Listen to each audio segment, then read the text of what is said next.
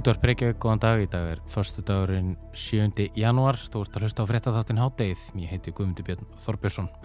Evropamót Karla í handbólta hefst í næstu vikum leikmenn íslenska leysins hafa verið í strángri gæslu og skemmt sig af frá umheimnum síðustu daga til að forðast kórnuverusmitt og til að þurfa að fara í og fara ekki sótt kví. Tveimur æfingarleikin við Litáin sem voru fyrir, fyrirhugaðir í kvöld og sunnudag höfur er frestað en íslenska liðið æfir og undirbýr sig eftir sem aður af kappi. Landsliðið heldur svo til Budapest í Ungarlandi á þriðju dag. Þar mun Ísland leika í reyli með heimamannum, Portugal og Hollandingum. Fyrstileikurinn verður næsta förstu dag. Einar Örn Jónsson, íþróttafrættamæður, lítur við í síðar hluta þáttarins og ræður við okkur um möguleika landsliðsins í Ungverjalandi.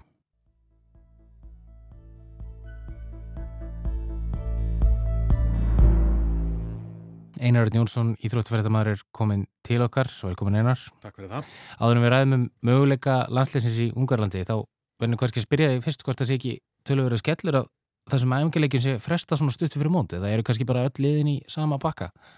Eh, Það eru mörglið í, í sama pakka og þetta er náttúrulega skellur. Portugalar til dæmis uh, mistu eða hættu við þáttöku á, á einu æfingamóti sem þeir voru leiðin á einmitt vegna þess að það voru smitt hjá anstæðingum eða vantanlegum anstæðingum þeirra á því móti. Önnur lið hafa náða að spila slatta af, af æfingarleikum eins og til dæmis Holland sem við erum náttúrulega spila við á mótinu. Mm -hmm. Þeir spiluðu þrjá leiki millir jól og nýjars og, og spiluðu svíja í gær og svo aftur núna á, á morgun.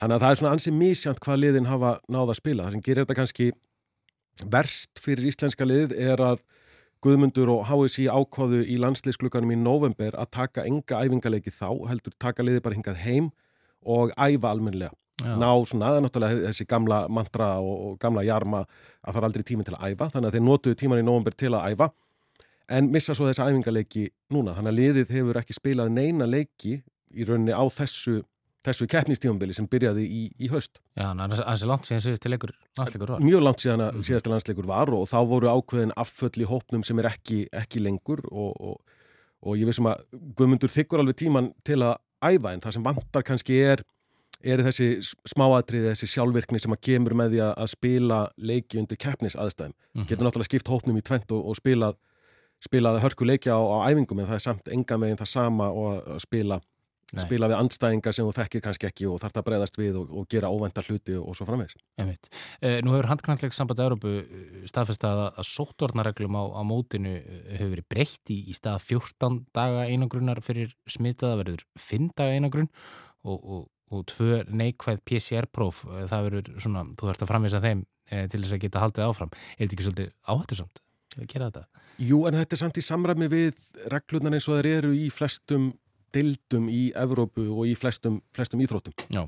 Að það er bara einfallega beðið eftir því að menn náttúrulega fara í ákveðina einangrun sem er eðlilegt að verði, en svo eða geta sannlega sínt fram á þeir séu búin að jafna sig eftir þessa tiltúlega stuttu einangrun, þá er þeir fá þeir að koma aftur inn á, inn á mótið og, og, keppa á það. Þetta hefur séð í, í fókbóltadeildum um, um Evrópu og í handbóltadeildunum að leikmenn gætu tæknilega séð smitast af COVID á mótinu farið í einangrun Já, og, og haldi svo áfram að spila. það var einn af þessum einn gaggrinnin sem var á þessar fyrri reglur með tveggjaveikna sótkvína var að leikmaður sem til dæmis síkist í dag Já. viku fyrir mót eða viku fyrir fyrsta leik Íslands til dæmis hann myndi missa af öllum leikjum íslenska liðsins í riðleikeppninu og þá mögulega bara missa af öllum mótinu. Jafnvel þó hann væri búin að ná sér á miðugdægin kemur fyrir mót.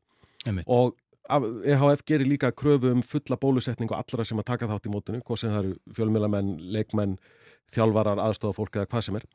Þannig að í ljósi þess að það var gerð þessi fulla bólusetning að krafa á alla, þá þóttu þetta svolítið svona drakonískar aðgerðir að senda menn í, í tveggjaveikna -hmm, mm -hmm. Og þess vegna var þessu, var þessu breytt og ég held að það sé bara alveg, alveg eðlilegt og var gert í samráði við við læknar áð EHF. Já, eh, Guðmundur Guðmundsson landslýsarveri, hann, hann valdi landslýshópin nú rétt fyrir jól, uh, það er orðið einn breyting þar á, ekki satt? Jú, Svetni Jóhansson, línumæður, mittist á hnið, núna bara í, í þessari viku og getur ekki tekið þátt í mótuna, en þó ekki alvarlega mittur, þetta er ekki crossband eða eitthvað, eitthvað slíkt, en nógu mikið til að hann getur ekki tekið þátt í mótuna, þannig að hann fór út úr hópnum og Daniel Þór Ingarsson -hmm. kom inn í staðin sem er skitta en ég hugsa að þeir báðir séu aðalega hugsaðir sem, sem svona stuðningur við varnaleg íslenska liðsins þetta er bara maður, maður fyrir mann í rauninni varnalega.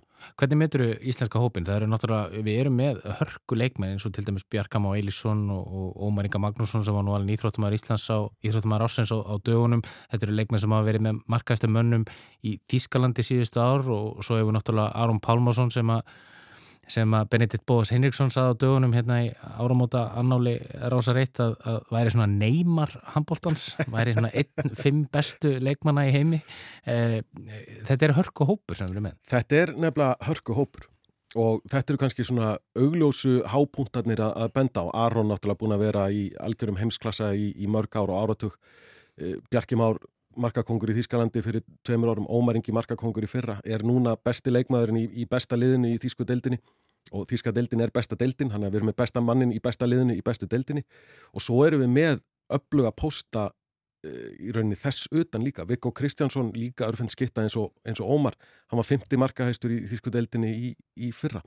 Og við erum hörku öfluga leikmenn á miðjunni líka, Janus Staða, Smárasson Elvarinn Jónsson, eh, Þorger, Gísli Þorger Kristjánsson, þetta eru allt saman strákar mm. sem eru að spila í sterkum liðum í búndeslíkunni og komni með nokkur ára reynslu af því að spila í sterkum liðum í búndeslíkunni. Og þetta er náttúrulega menn sem okkur vantaði fyrir, Gísli, Gísli Þorger og, og Já, Gísli Þorger og Janus Staði voru ekki með, Aron var náttúrulega ekki með í, í fyrra, Ómar Ingi var einhvern veginn ekki komin í, í svona, ég var að segja, góðu bókina hjá, hjá Gumma í, í fyrra, það spilaði miklu minna en kannski maður bjóst við og, og íslenska liði var bara í brasi á mótunni í, í fyrra.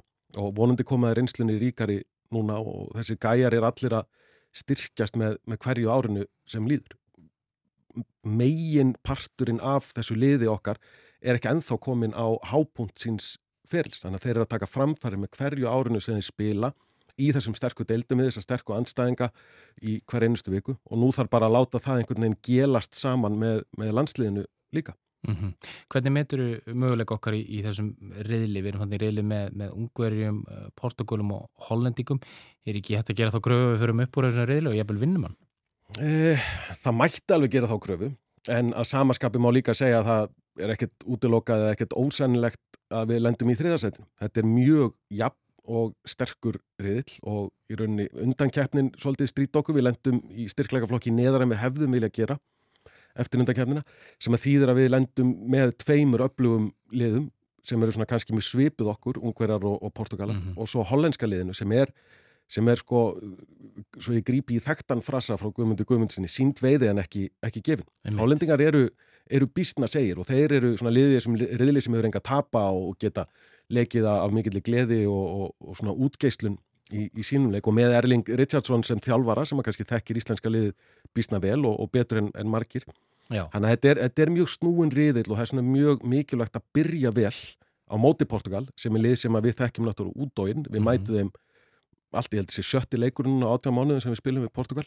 Við erum nánast engungu búinir að spila við Portugal síðasta árið og, og mjög mikilvægt að ná góðum leik strax í fyrsta leik til að fara þá með gott sjálfstyrst í leikin með Holland og í rauninni svona komast hjá því að loka leikurinn við ungverja verði einhver einhver hreitn ústættalegur. Þetta er ungar að spila á heimavelli, þetta er, stæ, þetta er glæni höll, stærsta handbóltahöll eða stærsta innanóshöll í Evrópu og hún verið fulla ungurum. Það var einhver nokkur hundru íslendingar hérna sem munu kapna í 20.000 ungurum.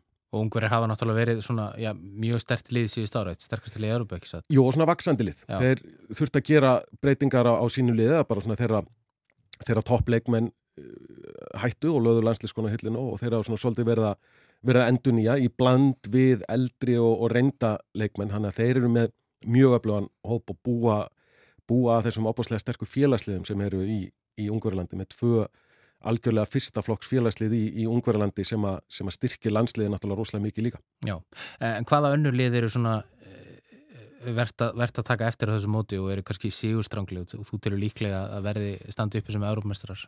Það er mjög handtækt að grípa þá bara í liðin sem eru titilhafar núna Danir eru heimsmeistarar, síðast tveggja heimsmeistaramóta og þeir mun alveg öruglega ekki láta söguna frá síðast Evropamóti endur taka sig þar sem að, að þeir töpuðu fyrir okkur meðal annars og lendur bara í tómi basli á því móti. Frakkar eru olimpíumeistarar bara núna frá því haust og vissulega í smá vandraðu með, með COVID-síkingar meðisli og, og svo var eitt leikmaður í, í franska opnum stungin á, á gamlaskvöldu var ekki með.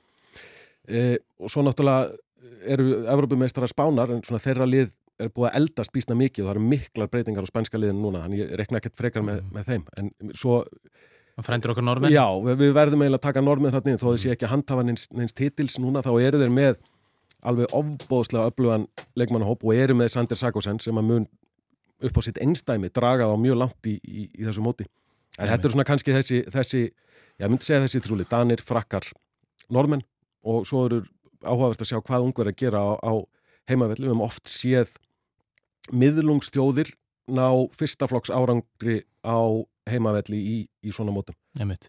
Eh, hvað með þjálfuran okkar, Guðmund Guðmundsson? Það gustaði nú svolítið um hann hérna í fyrra þegar hann, hann, svona, já, hann gaggrindi þá gaggrinni sem hann fekk á sig hér frá sérfræðingum ríkisútasins. Eh, er hann að ná því besta sem að hægt er úr þessum leikmannhópi? Já, munum við einfallega sjá það Ég, ég held að við munum svolítið sjá það núna í, í janúar. Liðið spilaði að mörguleiti mjög vel á Europamótinu fyrir tveimur árum og fór þar áfram í, í milliriðil og ein úslit til eða frá hefðu geta breytt alveg opáslega miklu fyrir liðið, liðið þá en svona, þá var svona fyrsti vísirinn að því sem að Guðmundur talaði um að hann vildi sjá hjá liðinu. HM í fyrra var klart skref aftur á bakk og liðið leik bara ekki nægilega vel þar og við töpuðum öllum leikjónum sem hefðu verið svona líki leikir upp á að gera eitthvað meira í mótinu og enduðum neðar en við um nokkur, nokkur tíma lent áður. Við sjáum það núna hvort það sé hægt að taka þetta móti í fyrra eitthvað út fyrir sviga út af þeim leikmönnum sem að, sem að vantaði og heldust úr lestina og meðan á mótinu, mótinu stóð. Ég vonum svo sannlega að mótið núna í ár verði framald af því sem við sáum á síðasta móti frekar en framald af því sem við sáum á háum í, í fyrra. Af því að leikmannahópurinn er til staðar, reynslan í hópnum er til staðar, þannig að það er svona bísna margt til staðar til að þetta mót geti orðið jákvætt fyrir, fyrir okkur. Einmitt. Og þú ert að leiðin út og, og, og við munum gera þessu góð skil hérna í ríkisútarpinu, ekki? Já, það verður uh, sínt í gríð og erg frá, frá mótinu bara frá fyrsta degi sem er næstkomandi 50 dagur, mótið byrja þá.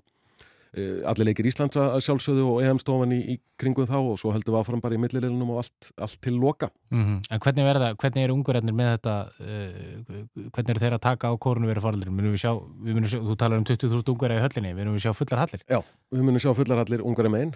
Þeir Mhm. eru slá hvergi af þegar kemur að, að áhörönda málum. Aðeins minna Slovakíu megin, þar sem að hinn hluti mótsins er, það er náttúrulega mikill koronaveri vandi bara akkurat, akkurat núna. Og þannig að það verður takmarkaðara hvað verður af áhöröndu þar.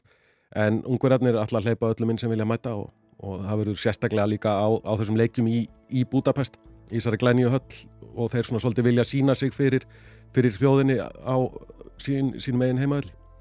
Ég myndi að kæra þakki fyrir komin í hátið einar, við höldum áfram að fjalla um Evrópmóti handbólta á næstu vikum og fylgjumst spennt með og vonum að sjálfsögðu til þess að íslensku strákanir ger okkur öll saman stolt en hátið verður ekki lengra þessa vikuna, við heyrumst aftur á mánudegin.